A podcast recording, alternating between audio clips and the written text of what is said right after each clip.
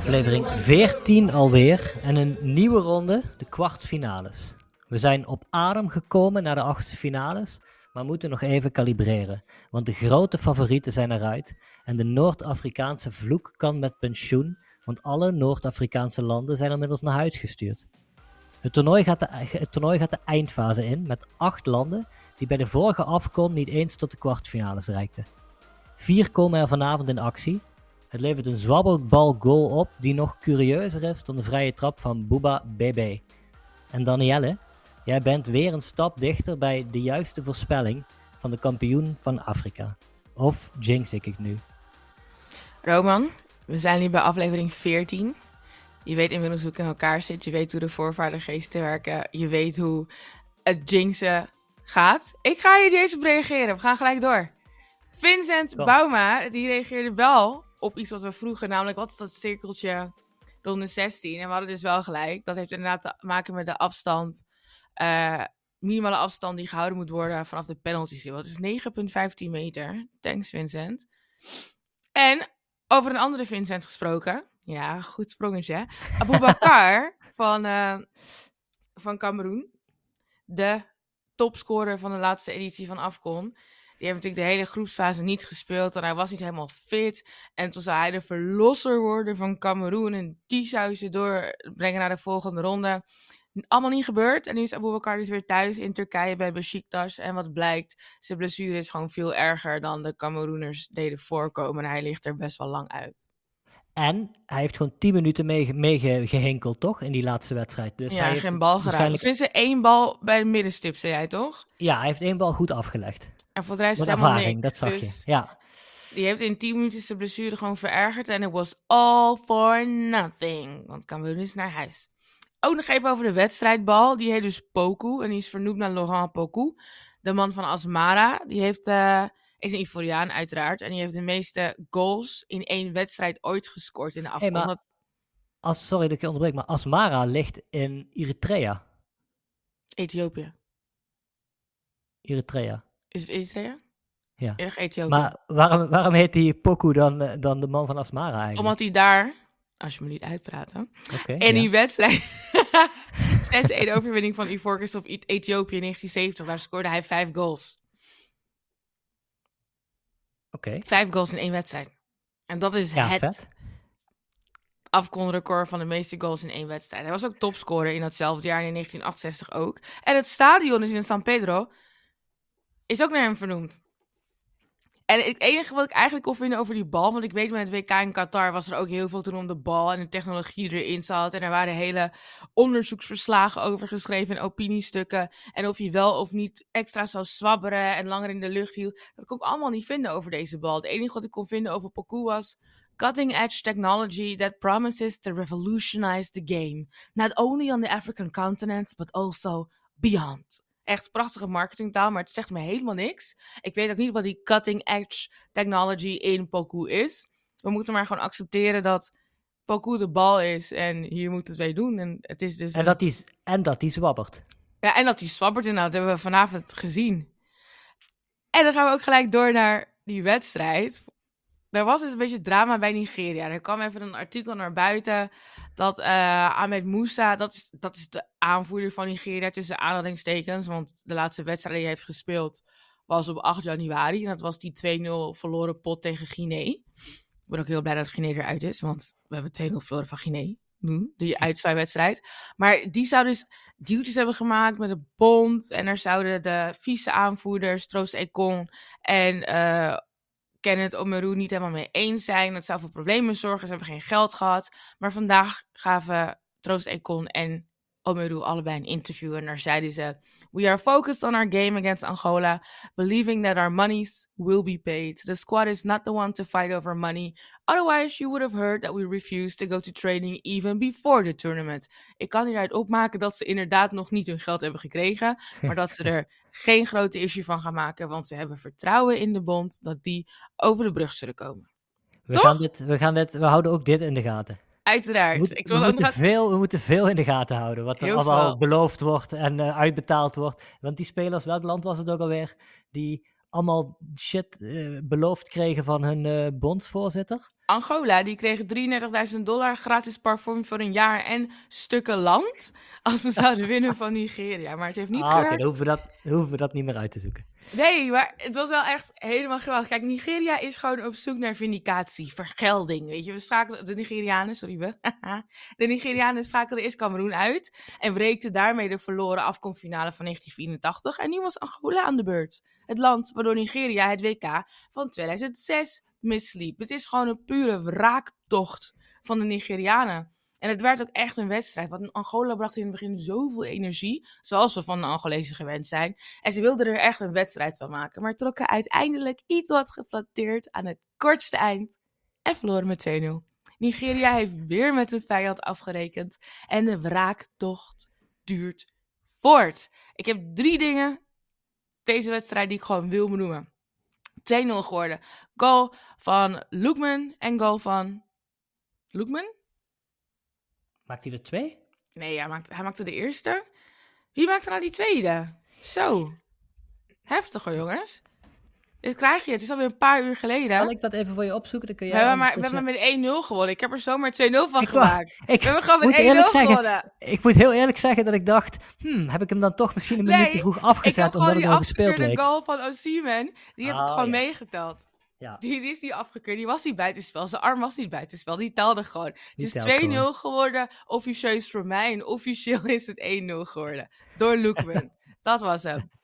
Maar drie dingen dus. Nigeria weer met drie centrale verdedigers. Dat werkte heel goed tegen Cameroen. Ze zijn er in de laatste groepswedstrijd eigenlijk mee begonnen. Want ze speelden de eerste twee wedstrijden gewoon met vier verdedigers. En dat Bessie ook af en toe naar links moet. Dat was niet heel chill. En nu heb je dus Troost Ekong, de aanvoerder. Kelvin Bessie en Ajayi. Die centraal staan. En dat is defensief zo solide. Zo fenomenaal. En Bessie was vandaag op die gele kaart na foutloos. Hij heeft het echt locked down. Sleutel weggegooid. Niemand komt er doorheen als Bessie er staat. Gilberto, blonde Gilberto van de mooie steekpaasjes. En het samba van Angola. Die werd helemaal gek van Bessie. Want iedere keer legde hij het af. Dat is mijn eerste punt. Het tweede Mhm. punt. De aanvallende driehoek. Insane. Moses Simon, Osimhen en Ademola Lookman. Och, laten we beginnen met Moses Simon. Die is in deze knock-out fase ontwaakt. Tegen Ivorcus, de, allereerste, de tweede wedstrijd, staat hij op de bank. Maar eigenlijk, wederom, sinds die tactiek is aangepast, sinds ze met drie verdedigers weer spelen, komt hij veel beter tot zijn recht. Staat achter Osimhen, de rol die Osimhen nu vervult met het meenemen van verdedigers en ruimte creëren, zorgt dat hij en Loekman er eigenlijk omheen kunnen zwerven, er overheen gaan. En dat doet hij zo goed. En Osimhen, over hem gesproken, begon vandaag met dubbele dekking. Dubbele dekking en wist er toch af en toe gewoon uit te komen zelf. Niet alleen de ruimte die hij creëert voor zijn medespelers, voor Lookman en Simon, maar ook dat hij zelf gewoon nog eruit komt en actie, acties kan creëren. Het is nu niet normaal wat daar in die aanvallende driehoek gebeurt. Dus we hebben de driemanslinie die al, alles achterin op slot houdt. We hebben de driehoek voorin. En dan hebben we ook nog eens een middenveld waar we ons heel veel zorgen om maakten. Met een Didi geblesseerd. Al-Hassan Yusuf, die in de eerste wedstrijd uitviel, maar nu weer is hij racen. En vandaag invillend geweldig deed trouwens. Alles valt op zijn plek voor Nigeria. Maar wie, het- voedt dan de, wie voedt dan de driehoek? De driehoek worden de backs gevoed. Oké. Ik maar ik moet wel zeggen, Sanusi, Saidu, Sanusi was vandaag wel een soort van de zwakke plek in het elftal. Maar Ola Aina heb je natuurlijk en die maakt alles beter. En doordat ze met z'n drieën spelen en Ekong en Ajayi eigenlijk achterblijven, krijgt Bessie ook heel veel ruimte om mee op te komen. We weten dat Bessie niet kan opbouwen, we know this. Maar this nigga can come up. Hij kan opkomen met de bal lopen. Je ziet hem af en toe een beetje pingelen en shit. Het is echt woe, een genot om naar te kijken. En mijn laatste puntje, ik noemde hem al even, was Ola Aina. En ik was eigenlijk dit iedere wedstrijd dat hij speelt gezegd. Maar hij heeft echt de allerfijnste aanname van dit hele toernooi. En hij gaf vandaag die crosspass op Moses Simon. Mhm. Van rechts naar links. Moses neemt hem mee. Geeft volgens die voorzet op Luke waar die goal uitkomt. Maar die crosspass was ook weer zo op maat. Het is een hele verfijnde technische speler, die Ola Aina. En zijn naam is Wat ook gewoon... speelt, wat speelt Ola Aina? Zijn naam is geweldig. Ja, zijn naam is gewoon... Ja, Ola Aina. Kan je ermee doen? Hij speelt eh, in Engeland bij Nottingham Forest, Oké. denk ik. Wait, wacht. Ga even kijken. Ik kijk al voor je. Kijk jij? Alright, top. Ja, ik kijk. Maar ja, dat, waren mijn drie dingen die me het meest opvielen en waar ik heel erg van heb genoten. En ik moet eerlijk zeggen, ik begon deze wedstrijd een beetje met billen knijpen. Want zoals ik al zei, die Angolezen die schoten er vol energie uit. Maar Bululu had een gigakans. Volgens mij in de vierde of vijfde minuut al misschien zelfs eerder. En die werd goed eh gekiept door Mabali, maar het, het, er was druk. Er was druk. Gilberto voerde de druk op, maar Bululu voelde de druk op. En op een gegeven moment zag je ook trouwens, wat Bessie heel erg bij Ajax toch had, dat als hij de bal had en je dan ging pressen op Bessie, dat hij Ja, in de war raakte, niet precies wist wat hij moet doen. Nu lost hij het gewoon op in een kleine ruimte, bal aan de voet, draait weg, speelt hem gewoon open naar een andere medespeler. Die jongen is in een seizoen, een half seizoen, zo volwassen geworden. Echt lovely. Weet je al waar Ola Aina speelt? Nottingham Forest. Yes, got it. Alright, love. Mooi, mooi, mooi, mooi. Ik miste wel, weet je, de rode jerseys van Angola. Ik vond het geel, dat voelde ik niet hoor. Angola moet gewoon Nee. met rood en zwart. Ja, dat was niet oké. Dat Toen wist ik eigenlijk al dat dit eh, totaal verkeerd zou gaan. Toen wist je dat het fout zou gaan. Ja, dat zag je wel, vind ik. Ja, maar Angola Oké. en, en corners was ook de hele tijd gevaarlijk. Dus ik was er ook niet na die 1-0, was er gewoon niet gerust op. Je zag op een gegeven moment zag je zo'n Angolese man de goden verzoeken op de tribune. Hij had een prachtige houten staf in zijn hand, waar gezichten in waren gekerfd. En ik heb daar dan voorvadergeesten van gemaakt.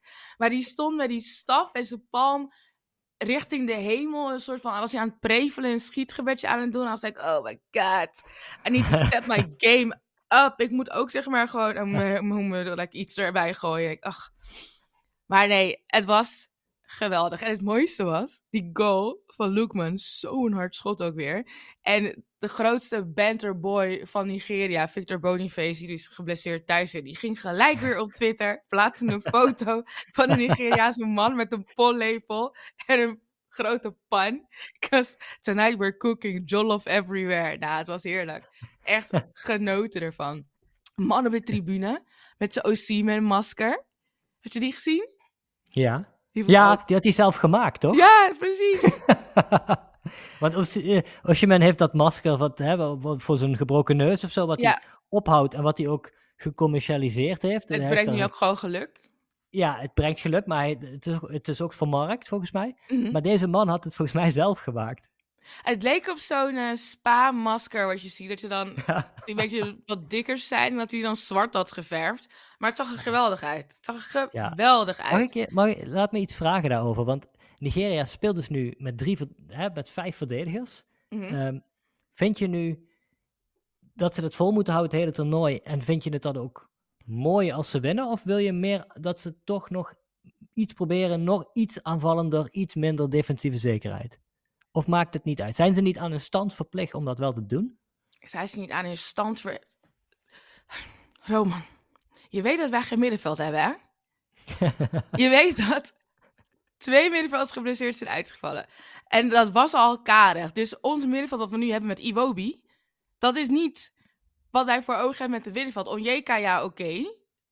Daar kunnen we wat van verwachten. Maar we hebben eigenlijk maar twee middenvelders daar staan. Het is Als echt we we hier- nu, hè?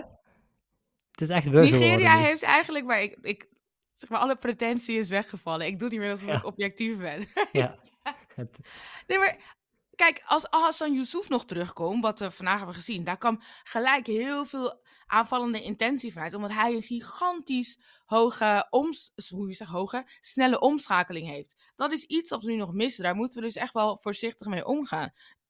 En we staan in de halve finale, Roman. Het is nog maar twee wedstrijden. Dus je Why antwoord is, nee, je, antwoord is nee, je, je antwoord is nee, we laten het zo. Ja, maar kunnen- ik moet wel zeggen dat het aan onze stand verplicht, dat vind ik gewoon vervelend. Want we halen het meeste uit wat we nu hebben. We missen gewoon een flink aantal spelers. We hebben onze zwakte nu omgezet. Ik moet echt ophouden. Nigeria heeft hun zwakte nu omgezet in een kracht. Die driehoek die werkt. Die drie centrale verdedigers werken ook.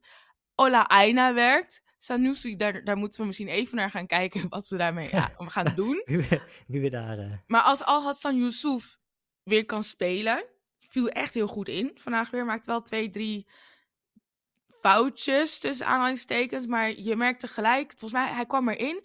En de commentator heeft dus de drie minuten die volgden alleen maar zijn naam gezegd. Omdat hij en onderschepte en eh, spel verdeelde en passes gaf en acties maakte. Het is echt een hele goede speler. Dus daar kunnen we misschien nog wel iets schrijven. Maar ik denk, dit is gewoon de tactiek en de opstelling. En daar moeten we, moet Nigeria aan vasthouden. Want never change a winning team. Doet me een beetje denken aan eh, WK 2018, waar Frankrijk gewoon een, echt wel een goede ploeg had, maar ook defensief gewoon zo stevig stond. En dan hele goede uitvallen deed, met, met een gouden driehoek voorin ook, denk ik. En Mm. dat, daar lijkt het wel een beetje op. Wel, toch? die zijn wereldkampioen geworden. Ja, daarom. Dus ik, ik denk dat je je voorspelling... eh, ik Niet over mijn je- voorspelling hebben. Stop! Oké, ik hou erop. op. Don't do it. Don't do it. Eh, wat hebben we nog? Zini. Dit, dit was sowieso de voetbalgoden aan de kans van Nigeria. Want Zini, die er net in kwam, ja, die bal op de paal. Waar je echt dacht van, hoezo gaat hij niet in het doel? Hoezo komt hij niet tussen de palen? Daar kwam Nigeria echt heel goed weg. Heel goed weg. En ik dacht toen ook van, oké, we moeten nu... Nigeria moet nu heel snel die 2-0 maken. Want Angola ruikt gewoon bloed. Die roken echt bloed, want er valt hier gewoon nog iets te halen. We hadden nog het momentje waar Bessie en Osimhen elkaar in de weg lopen. Bessie wil koppen, Osimhen maakt een omhaal. Kunnen er allebei om lachen. Dus dat stelde me ook wel een beetje gerust van. sowieso, dit, dit toernooi, ik, ik vind het geweldig hoe vaker wordt gelachen als er tussen spelers onderling, ook Ja. tegenstanders, die elkaar dan toch, eh, wordt er een penalty gegeven en dan zitten ze elkaar toch aan te kijken van ja, nou vooruit. en dan lachen ze allebei. En keepers die, die, die bijna hun, hun hoofd afgeschopt krijgen, die, terwijl ze duiken, die kunnen dan toch lachend overeind komen. Er zit, er, er zit heel goed, ja, er zit heel veel spontaniteit in dit toernooi. En ook respect voor elkaar. Ja, absoluut. Maar ja, toen ging Nigeria dus een beetje verslappen.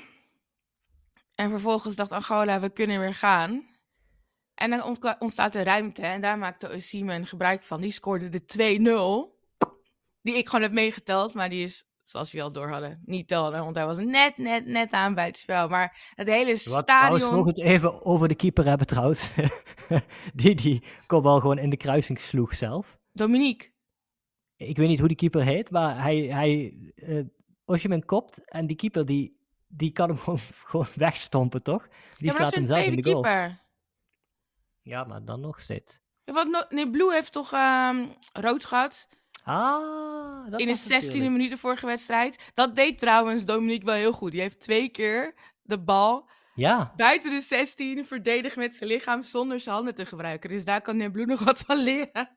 want dat was inderdaad toen ze echt moesten gaan drukken. Toen stonden ze heel ver naar voren en toen was hij super alert. Ja. Ja. Maar het is gewoon een, een vrij onervaren keeper. Die is gewoon niet gewend op zo'n hoog niveau te spelen. Dat zie je ook wel terug. Maar hij maakt het helemaal goed met zijn inzet en zijn doorzettingsvermogen.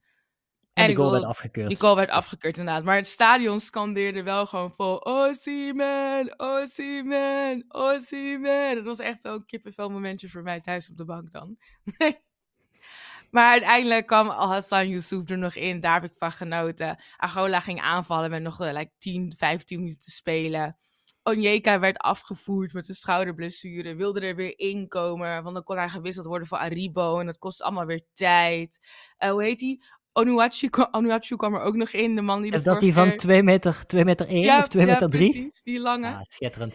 Die kwam Ja. nog even erin om tijd te rekken. Nou, het was... Maar niet zo, niet zo subliem als de vorige keer, toch? Toen, toen nee, nam hij deed, mee hij naar deed geen overstapjes en zo. Ik was wel een beetje teleurgesteld. Maar ik merkte wel trouwens, de commentator hoopte echt dat dit verlenging zou worden. Die probeerde Nigeria te vervloeken. Die kwam, krijgt Angola nog een kans. Normaal gesproken krijgt Angola nog een kans. Het enige dat ze nodig hebben is een corner. Ze hebben alleen een vrije trap nodig. Hij was like, dude, nee, waar zijn mijn voodoo-poppetjes? Waar is mijn wierook? Stop hiermee. Fluit deze wedstrijd af.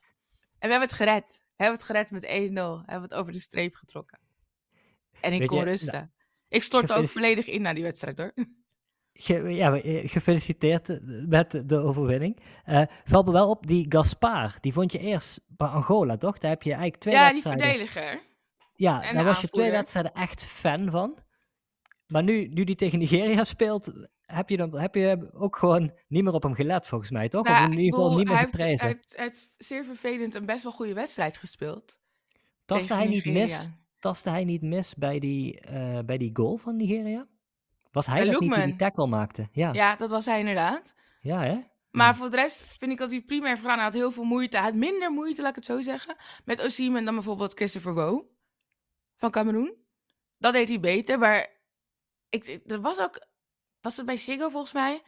was het ook van, ja, nee, Osimhen die krijgt een zesje, want hij heeft niet gescoord. Ik, volgens mij kijken wij een andere wedstrijd. Die man houdt verdediger zo erg bezig, dat ze er Ja. bijna als amateurs uitkomen. En dat je dan kan afvragen van, hoe kan het dat hij niet scoort? Ja, omdat hij dus zo druk bezig is met iedereen bezighouden, zodat Lookman en Simon kunnen scoren. Simon heeft niet gescoord. Nee, het is nog steeds 1-0 gebleven. Maar gewoon dat het mogelijk is. twee, twee goals erbij bedacht. Ehm, Eén goal erbij bedacht. Alleen voor Osimhen. Rustig. Maar Ik ik ook was... nog even een shot van de president van Angola. Ik denk dat het de president was. Die zat helemaal handen- alleen. Ja. Met zijn handen in zijn shirtje van Angola. En toen dacht ik wel, want we hebben pas eh, over Angola en die burgeroorlog van eh, gelezen en, en die bevrijdingslegers. En toen dacht ik wel, wow, dit is dus gewoon die president die uiteindelijk dan weer herkozen is, of, of de zoon van iemand die herkozen is. In, in ieder geval, daar zit dan zoveel geschiedenis en, en politiek spel zit daar dan op de tribune mee te kijken. Ik zag Mhm. dat in dat ene shot. Ik dacht wel weer, oh ja, fuck, er gebeurt zoveel op dat continent waar wij geen weet van hebben. En, deze man heeft ook weer, inderdaad. ja, zoveel context, zo'n verhaal neemt hij met zich mee ook weer. Vond ik toch weer mooi om even bij stil te staan. Ja, En nu? Nigeria nu? tegen? Caverdi of Zuid-Afrika. Ja. Dus daar gaan we voor de rest niet over speculeren, want hoogmoed komt Nee. voor de val, wil niks jinxen, la la la la la la. Ik wil alleen wel zeggen, de G van Angola staat voor Ghana, dus iedereen gaat helemaal los op Ghana nu. Ik- wat heel grappig is, dat Angola is natuurlijk uitgeschakeld door Nigeria, maar Ghana is de grootste rivaal van Nigeria. En Nigerianen zoeken altijd een reden om te haten op Ghanese. Het gaat om de Jollof. Het gaat om welk land de beste economie heeft. Het gaat om welk land het beste voetbal heeft. Kijk, ze hebben een hele gedeelde koloniale geschiedenis. En voetbal is op dezelfde manier geïntroduceerd. Ze waren allebei onder het juk van de Britten. Dus dat delen ze. En het is altijd een constante strijd. Welke van de twee landen de beste is. Dus nu Angola verslagen is. En Angola heeft officieel eh, Nigeria gefeliciteerd van... Gefeliciteerd met je overwinning. Jullie hebben ons outplayed. En nu zijn de Nigerianen van, oké, nee, dit is best wel aardig en respectvol. We kunnen niet haten op jullie, dus we gaan gewoon weer vol op Ghana haten. De G van Angola staat voor Ghana. Dus we gaan weer vol op de Jollof Derby, die niet is gespeeld, maar we doen gewoon alsof. Mooi. Over Congo-Guinea gesproken trouwens. Onze grote vriend Gilles Mbia. Ik zei dus tegen hem, ik appte hem vanmiddag van, hé, hey, hij, was, hij had stress. Hij zei, Daniel, ik heb stress, ik heb stress, oh my god. Dus ik zei, het komt helemaal goed, we gaan beide winnen, Nigeria en Congo. Ik accepteer niets anders. Dat heb ik hem om één uur, half twee gestuurd. En deze man heeft gewoon om twee uur 's middags op Twitter gezegd, op X gezegd, Goedemiddag, Congolezen en Angolezen. Wat voor verraad was dat? Congo en Angola, hoe bedoel je? Terwijl ik je net blessing heb gegeven voor Congo. Dus ik was eigenlijk de eerste vijf minuten van deze wedstrijd, terwijl ik nog een beetje boos was op Gilles, was ik tegen Congo. Ja, zo gaat het in mijn hoofd daar. Heel vermoeiend eh, allemaal. Zoveel, zoveel strijdjes en bondjes sluit jij met, met, met iedereen om je heen. Dat is wel mooi. Ja, maar daarom, Mohamed Gorbal voelde dat ik voor Guinea was. En daarom gaf hij die onbegrijpelijke penalty. Maar jij hebt vol gefocust op deze wedstrijd, toch? Laten we daar even inderdaad naartoe gaan, eh, die penalty. Maar daar ga ik het zo over hebben. We keken naar een kwartfinale waar denk ik niemand echt eh, op gerekend had dat die, eh, dat die ging komen. Ik bedoel, ik denk niet dat als je dit had voorspeld, dat je... Ik denk dat je veel geld had gekregen. Ik vond... Guinea was aan de hand van Nabi Keita, die eindelijk speelde. Een hele erg. wedstrijd, zo. een hele wet, dat vond ik wel een beetje raar eigenlijk, dat dat, dat, dat erin zat.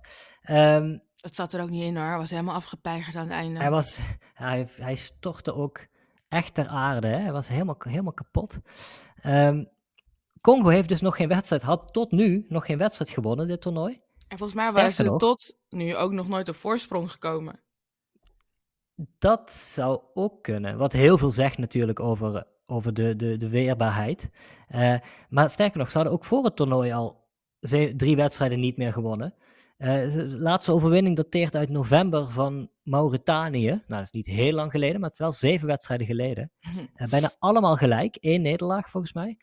Eh, maar ze hebben wel Egypte formidabel uitgeschakeld hiervoor. Met Eh, Pingels. Met pingels, waarbij de keepers uiteindelijk de boel moesten, moesten bepalen.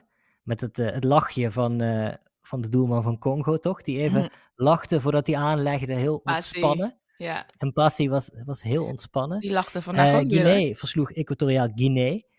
A. In die wedstrijd verraste de coach ons met een vrij curieuze opstelling tegen Equatoriaal Guinea, waarin opeens, ik weet niet of jij je dat nog herinnert, maar er stonden opeens zeven nieuwe spelers in de basis in de achtste finale. Uh, ik was bang dat hij weer een soort truc speciaal ging uithalen, dit keer de coach. Uh, maar eigenlijk heeft hij vastgehouden aan de opstelling. Alleen Keita toegevoegd. Uh, dat was wel een absolute toevoeging, want Keita is echt een heerlijke speler. Hij is ook de man van Guinea. Ja, oud, maar oud Liverpool. En um, hij is helemaal nog niet zo oud. Ik dacht dat hij, dat hij echt wel 3, 4, 35 zou zijn. Maar hij is volgens mij pas 29. Hij komt uit 95. Hij is 28, maar ik wilde ook echt al boos op je worden van hoe bedoel je oud? Maar je zei oud speler. Hij is ook natuurlijk oud. Dan zei ik, oh, speler. Kalm nee, nee, nee. Hij, hij speelt wel natuurlijk als een, als een hij is volgens mij ook het, het, het hele jaar al geblesseerd, dus hij heeft het niet makkelijk. Hij heeft nog nul wedstrijden gespeeld voor zijn nieuwe club, zag ik. Uh, dus het gaat niet super. Maar hij is nu, wel bijna jarig. Hij is bijna jarig, hij is bijna 29. Ja, en hij is dus, volgende hij zaterdag, is, niet morgen. Oeh. Uh, hij is opgelapt uh, voor deze wedstrijd en hij was echt... Hij straalt zoveel rust uit aan ja, de bal. het was geen Abu Bakar. Hij deed wel echt iets. Nou, ja, ja, hij was opgelapt. Echt, en je zag het al meteen, de eerste helft sneed hij dan af en toe naar binnen. Of dan sneed hij gewoon de, het middenveld door, zoals Frenkie de Jong dat vaak doet. Dan, dan rent hij tussen twee man door en dan wil hij een 1 2 En dan krijgt hij hem niet terug, want bijna iedereen, ja, iedereen aan wie hij de bal geeft is minder dan hij. Mhm. Behalve misschien Girassi. de spits Ginassi. Rassi. Um, die. Uh, um, die, maar wat hij, die, die wordt altijd op de bank gehouden. Dus die is ook niet helemaal fit, schijnt het. Nee. Heb ik vernomen. Klopt. Uh, dat, en dat is echt een roofdierspits. Uh, de verslaggever zei dat hij uit zijn eerste acht balaannames, balcontacten in de Bundesliga dit jaar. Ja, ja, bedoel ik. Ja, eerste acht schoten op doel, acht goals had gemaakt. In de, dat is een ongelofelijke statistiek. Hij is insane. Maar er zijn zoveel spelers ook gewoon die je deze Afrika Cup ziet spelen, die dan voor ons niet de zogenoemde sterspeler zijn. En dan ga je even opletten wat ze doen bij die clubs. Dan denk je, wow, dit is gewoon een sterspeler. Kijk, die Ademola Lookman, die heeft al 20 goals in uh, wat 45 wedstrijden of zo gemaakt voor Atalanta. Het zijn gewoon echt goede spelers. Maar we zijn altijd een beetje in Nederland vooral gefocust op ja, eredivisie. En dan kijken we Engeland en dan het liefst alleen de top 6 van Engeland en een beetje Spaans voetbal. En that's about it. De, rest zien we niet. Een Stuttgarter van Bayer Leverkusen van Atalanta. Dat vinden we allemaal niet interessant. Of Real Betis, zoals de nieuwe club van Bakambu. En hier zie je die jongens echt floreren van... Wow, what is happening? Daarom is het ook zo leuk om te kijken natuurlijk. Omdat we ook, ook wel die beelden nu zien van dat soort voetballers. Uh, was wel weer... En ja, maar er zijn ook heel veel mensen die dus bij voor gewoon vooraf al zeggen: ik ga niet kijken, want het zijn alleen maar mindere spelers of het zijn Afrikaanse landen, dus het is minder voetbal. Ik, je doet jezelf tekort, eigenlijk, vriend. Eigenlijk is je punt jezelf. Nu, eigenlijk is je punt nu: kijk vanaf nu.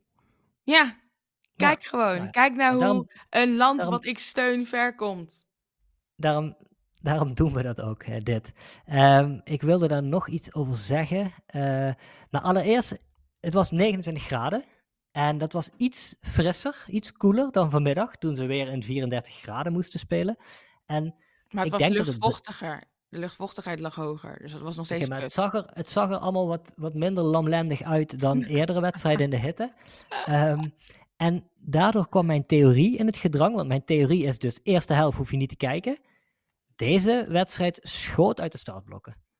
Maar jouw theorie eerste... klopte ook al niet bij, bij Nigeria-Angola? Ja, die klopte tot de 44ste minuut. En toen Helemaal niet. Heb je niet gezien hoe Angola die wedstrijd begon? Ja, jawel, maar... Come on. Come on. je kon, je kon van de 20ste tot de 32ste minuut kon je even een dutje doen, een powernap. Maar hij is constant gewoon bezig geweest. Dat kon je trouwens, ik heb het genoteerd, in deze wedstrijd in de 54ste tot de 58ste minuut kon je een powernap doen. Want toen, ik weet niet wat er gebeurde, maar misschien trok er een hele felle wind door dat, uh, door dat stadion, Scirocco of zo. Toen, het was echt niet normaal. Echt elke paas van elke speler waaide meters over iedereen heen. Nee, maar dat was echt niet normaal, want ik zat, een vriend van me, ik logeer bij een vriend en die vriend keek mee. En die is daarna opgestaan, die zei, ik ga lekker slapen, want dit, die minuten, die, hij, hij zag de verkeerde minuten. Dit was niet, dit was, er gebeurde heel veel. Maar, de wedstrijd begint, uh, uh, meteen kans voor Guinea. Echt best wel een grote kans. Daarna twee kansen voor Congo. Via één kans was, kwam. Ja, ik let heel erg op Theo Messi Bogonda, omdat ik dat gewoon een hele vette bijnaam vind. Ik weet niet of die echt zeg maar, bestaat buiten deze wereld van onze podcast. Maar anders moet dat wel. Maar als je erop gaat letten, hij heeft een beetje die bewegingen in huis. Uh, rendement nul. Want ik heb naar zijn statistieken gekeken. Hij doet het in de Russische competitie nog wel aardig. Maar ook deze hele Afrika Cup, tot nu toe. Ja, vier wedstrijden had hij dan gespeeld. Nul goals, nul assists. Ja, maar dus, het is leuk om naar te kijken. En hij houdt de tegenstander bezig. Ja, en sommige, sommige dingen kun je niet meten hè, in statistiek. Exactly. Dus, inderdaad. We misschien moeten dus hij de heel veel computer op de Wesley Victor Ja. Mak even vragen om dat, die rare statistieken van, eh, van Theo Messi Bongonda op te zoeken. Ja, Nee, hij, zal, voor hij, mezelf. hij zal wel, wel iets, iets, eh, iets, iets goed doen hoor. Nee, het is een leuk speler om naar te kijken, ab- absoluut. En hij heeft hele Ehm, schattige sproetjes. Wat De zeg je? camera, hij heeft hele schattige sproeten op zijn neus. De cameraman ging heel vaak inzoomen op zijn gezicht. Sproeten. Niet zijn hoofd, maar echt gezicht. Dus dan kon je heel goed zijn sproeten kijken. Ik deed een poging om ze te tellen, maar daar duurde het net te kort voor. Maar het viel me op. Volgende keer even stop Die was dat ook tussen de 54ste en 48ste minuut. Ja, ik denk dat het wel moet, ja. nou ja, in ieder geval, uiteindelijk komt er een penalty voor Guinea. Absurde penalty. Moet Mohamed Korbal, die heb ik in een van onze eerdere afleveringen samen met eh, Pierre Ghislaine achternaam vergeten. Die twee heb ik genoemd als mijn favo scheidsrechters. En Mohamed Oh, waar? Korbal is nog steeds mijn favo scheidsrechter. Want zoals ik al eerder zei, die wist dat ik in die fase nog boos was op Jules en dus tegen Congo kraakte. En daarom heeft hij die penalty gegeven. We hebben één keer een herhaling gezien. Ja, Toch? dat is, dat, want wat, wat gebeurt er even? Eh, een speler, er komt een, een best wel goede aanval trouwens, over een paar schijven. Wordt met een soort scherpe voorzet voorgegeven. En de spits komt bij de eerste paal hem in te tikken. Maar iedereen ziet wel van, nou, die gaat hem sowieso niet intikken daar. Kan helemaal niet uit die hoek. En hij krijgt een zetje. Hij, het, er is nauwelijks contact. En hij valt. En iedereen denkt, oké, per ongeluk geeft de penalty hier een scheids. VAR komt er wel tussen. Bemba is hier genaaid hoor. Ja, Ik absoluut. denk me opeens. Bemba was degene die ruzie had met Regrahi. De strijd is Algerijns, maar dat is het ook niet. Want Algerijnen en Marokkanen hebben grote rivaliteit. Maar misschien was dit wel een soort van wraak voor de Noord-Afrikaanse vloek. Van, oké Bemba, jij had beef met Noord-Afrikaan Regrahi. Ja. Cool, ik geef Laten een dan- pingel tegen je. Laten we dan eerlijk zijn, dat zou wel terecht. Want die Noord-Afrikaanse vloek is wel buitenproportioneel. dus wat dat betreft snap ik het wel. Maar het wordt een penalty. De VAR doet er helemaal niks aan. Het zal wel een of andere regel zijn. Nou, Bayo heet hij volgens mij. Schiet die pingel er gewoon hard in. Bayo, ja. Eh, schiet die pingel er hard in. Eh, en toen dacht ik, maar dit kan toch niet? Dit kan toch niet dat Congo, dat verhaal van Congo is toch veel te mooi. Om, Jij dacht, om, maar- ik wil nog vertellen over magische krokodillen en een gando. Hoe bedoel je, Congo gaat naar huis? Mijn want we bespreken literatuur van landen die doorgaan. En inderdaad, er, er ligt nog een verhaal dat ik wil bespreken. Dus Congo moest in die zin wel door. Ehm, en Congo heeft het toernooi meer te brengen, qua verhaal, vind ik, dan Guinea. Dus, Ja, nee, je vindt de achtergrond van, van Guinea niet interessant. Nou, het gaat niet om de achter... Die heb ik wel nog even uitgezocht vandaag, omdat ik, omdat ik de vorige keer Congo heb gedaan. Dus dacht ik, ik ga nu even in Guinea duiken. Maar die was inderdaad ook niet zo interessant. Maar goed, dit is wel een, heel, een hele politieke geschiedenis van een land wegzetten. Maar dat hoeft Ik wil niet. graag zeggen dat Kamara Le en ik, Laye en ik, daar niet mee eens zijn. Maar ga verder. Dat, daar, daar gaan we het zo nog over hebben. Je hebt een hele mooie Guineese roman meegenomen. Ehm, maar uiteindelijk, eh, ja, de, de, vrij snel maakt Congo gelukkig gelijk. En dat verhaal, dat, dat wordt dus nog doorgeschreven van Congo. En Het is een corner en wat de aanvoerder daar doet, die neemt hem in een heel moeilijke hoek een beetje gelukkig mee. Het leek me niet een heel bewuste aanname. Hm. En hij schiet hem gruwelijk en kiezelhard in een heel klein hoekje, wat de keeper Kohane ook wel een beetje open liet, eh, denk ik. Stond niet helemaal goed volgens mij. Maar daar had hij hem nog niet gehad als hij goed had gestaan. Want dit was echt een heerlijke bal die de paal niet schampte, maar er zat geen haar, denk ik, tussen de paal en de bal toen de bal erin vloog. En eh, ik denk dat het, ik heb zijn naam, was het, hoe heet de aanvoerder van Congo? Jij weet het waarschijnlijk uit je hoofd. Jean-Zel die- en Bemba. Die deed het echt heel vies.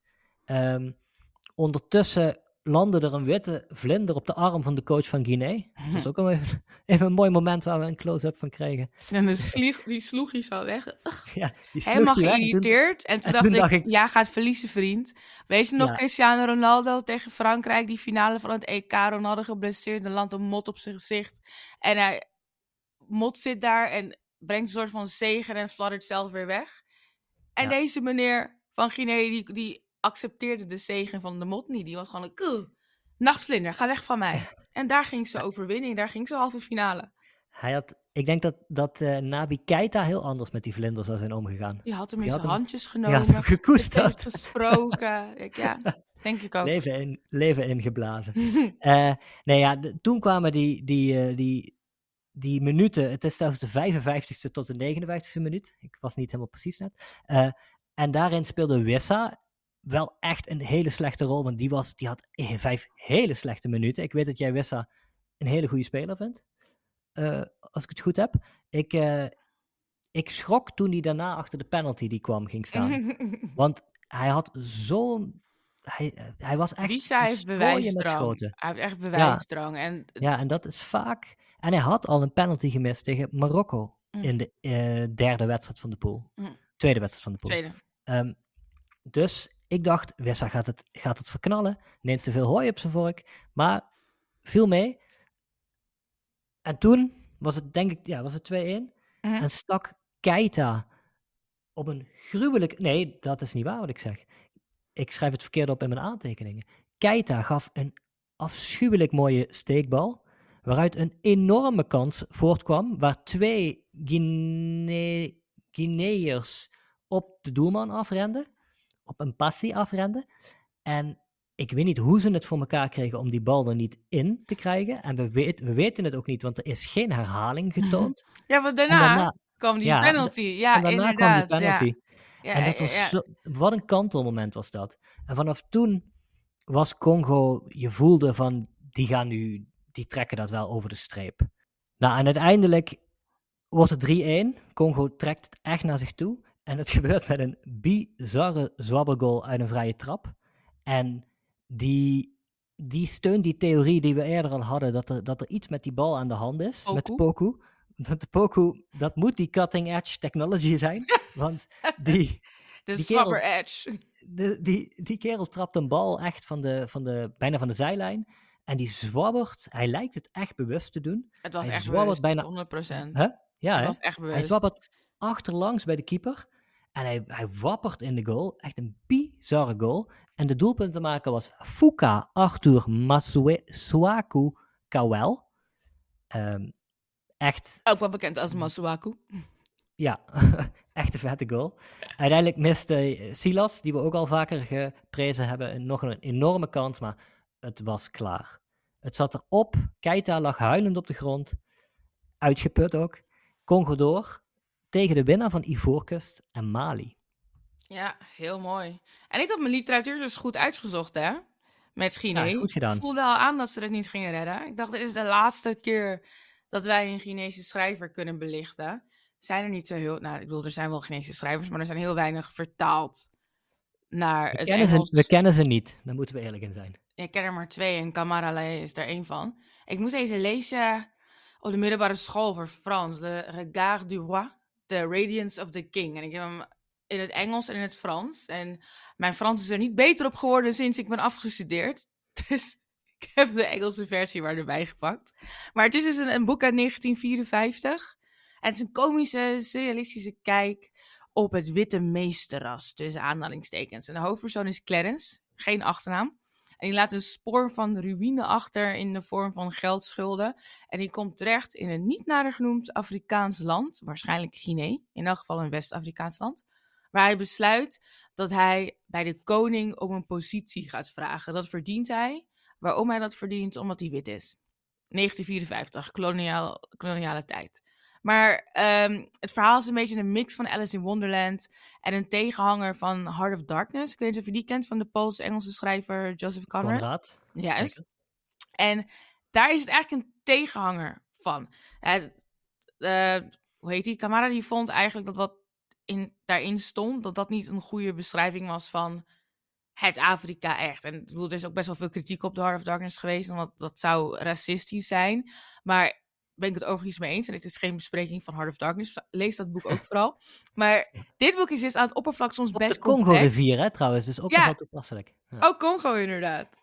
Maar dit verhaal, Le Regard is best complex aan het oppervlak. Omdat het verhaal verteld wordt vanuit het perspectief van Clarence. De context, de woorden, de taal zijn allemaal van de witte man. Terwijl het onderwerp Afrika is. En dat zorgt soms voor verwarring. Want wat Clarence niet snapt, dat snapt de lezer ook niet. En niet alles is dus gelijk duidelijk. Clarence die wil dus een positie bij de koning vragen. Uh, de koning blijkt in het zuiden te zitten, daar gaat hij dan achteraan en dan krijgt hij hulp van een sluwe oude bedelaar en twee Afrikaanse jongens. Dat is in principe het verhaal. Heel simpel gezegd. En het land waar het zich afspeelt is, niet om, is zeg maar onbekend. Niet omdat Camara niet weet welk land het is, maar omdat mensen als Clarence Afrika zien als één plaats, één land, in plaats van een continent. En dus zijn de een namen... Amorfe, een amorfe continent. Precies. Dus die namen van naties, volkeren, geografie is voor hun niet belangrijk, voor Clarence niet belangrijk en dus voor ons als lezer ook niet. En hij is gewoon niet in staat om dat naamloze land waarin hij zich bevindt te begrijpen of te ervaren zoals hoe het moet. En wat hij wel ervaart zijn eigenlijk allemaal clichés. En Afrika stinkt. Afrikanen springen veel op en neer. Het zijn, ze zijn allemaal corrupt. Het zijn oplichters. Afrika is smerig. En Afrika zit vol met seksueel beschikbare vrouwen. Uiteindelijk komt Clarence dus in een dorp in het zuiden aan. Dat is wel grappig. En daar wordt hij in zijn hoofd als een held ontvangen. En net buiten de koninklijke residentie krijgt hij een mooie hut en een vrouw, Akisi, die hem iedere avond opzoekt en bevredigt, seksueel bevredigt. Maar in werkelijkheid is die ene vrouw vele vrouwen. En Clarence heeft dat niet door, omdat voor hem alle zwarte vrouwen er hetzelfde uitzien. En wat blijkt dus, daar kom je als lezer later pas achter, omdat jij Clarence bent. De bedelaar heeft Clarence voor een ezel verkocht aan het dorpshoofd de koning. De hut is zijn gevangenis en hij wordt iedere nacht dus bezocht door verschillende vrouwen uit de harem van de koning, zodat hij café au baby's kan maken. Gemixte baby's met een licht bruine huid. En Clarence heeft dat totaal niet door. En zijn situatie en alle tegenslagen die hij onderweg naar het zuiden, naar de koning, uh, meemaakt, zijn eigenlijk bewust Kafkaesk geschreven. Het is grappig en het is nachtmerrieachtig en het is in eerste instantie het Afrika dat de witte man verwacht. Naakt, wemelend en onbegrijpelijk. Maar geleidelijk aan, terwijl je op die reis gaat met Clarence, wordt hij ontdaan van zijn witte man zijn, van zijn Europeaan zijn en begint hij eindelijk zeg maar, zijn plaats binnen Afrika te kennen. Het is een soort van beschamende en zowel prachtig beeld van zijn eigen menselijkheid, die hij ontdekt in een soort van buitenaardse pracht van die koning waar hij steeds maar naartoe wil reiken en niet kan bereiken. En ik heb een heel klein fragmentje, echt tien zinnen of zo, uitgekozen over die koning. En wat zeg maar een beetje exemplarisch is van hoe Clarence naar de wereld kijkt en hoe het Afrika, het land Afrika, naar de wereld kijkt. Hij praat hier heel, Ik ben heel benieuwd, want je vertelt echt super mooi erover. Ik ben echt heel benieuwd. Nou ja, die koning is dus een, een jonge jongen die niet zelf rechtop kan staan, omdat hij zoveel goud op zich heeft. En daar kijken ze dus naar en dan is dit kleine fragment. Um, he is young and he is frail, remarked the beggar. But at the same time, he is very old and very strong. If we were not so heavily weighed down with gold, there would be nothing to keeping among us here. Why would he want to leave you? asked Clarence. Why should he not want to leave us? retorted the beggar. Do you suppose he was intended for the likes of us? The weight of all that gold holds him captive here. Gold, said Clarence bitterly, want Clarence is altijd op zoek naar goud. Gold can also be something more than just gold, the beggar proclaimed. Among you white men, is gold always just gold and nothing else?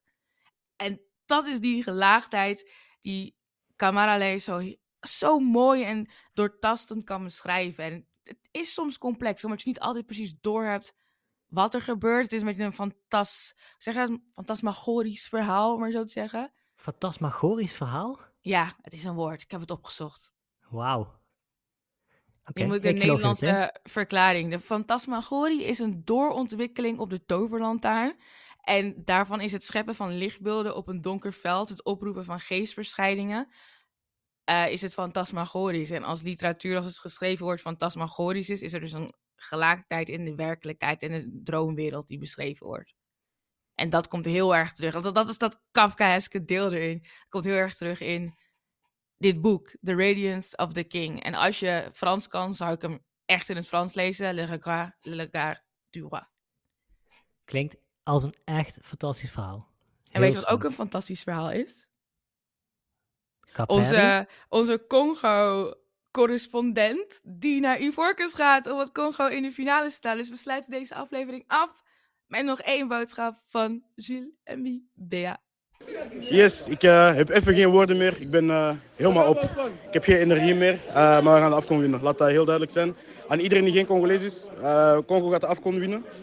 De halve finales zijn op woensdag. Finale is op zondag. Ik vlieg dinsdag naar Ivoorkust, want er is geen reden dat ik dit ga missen. Daniel, enorm bedankt voor alle steun. Ik ga heel snel vertrekken. Ik ga iemand thuis afzetten en dan ga ik onverantwoord veel drinken. Wauw, wauw. Wat een wedstrijd. Nou, we gaan niet naar de studio, we gaan drinken. Daniel, dankjewel. Um, ik, ik heb echt geen woorden, sorry. Ik heb gewoon geen woorden voor uh, waar nu gaat gebeuren.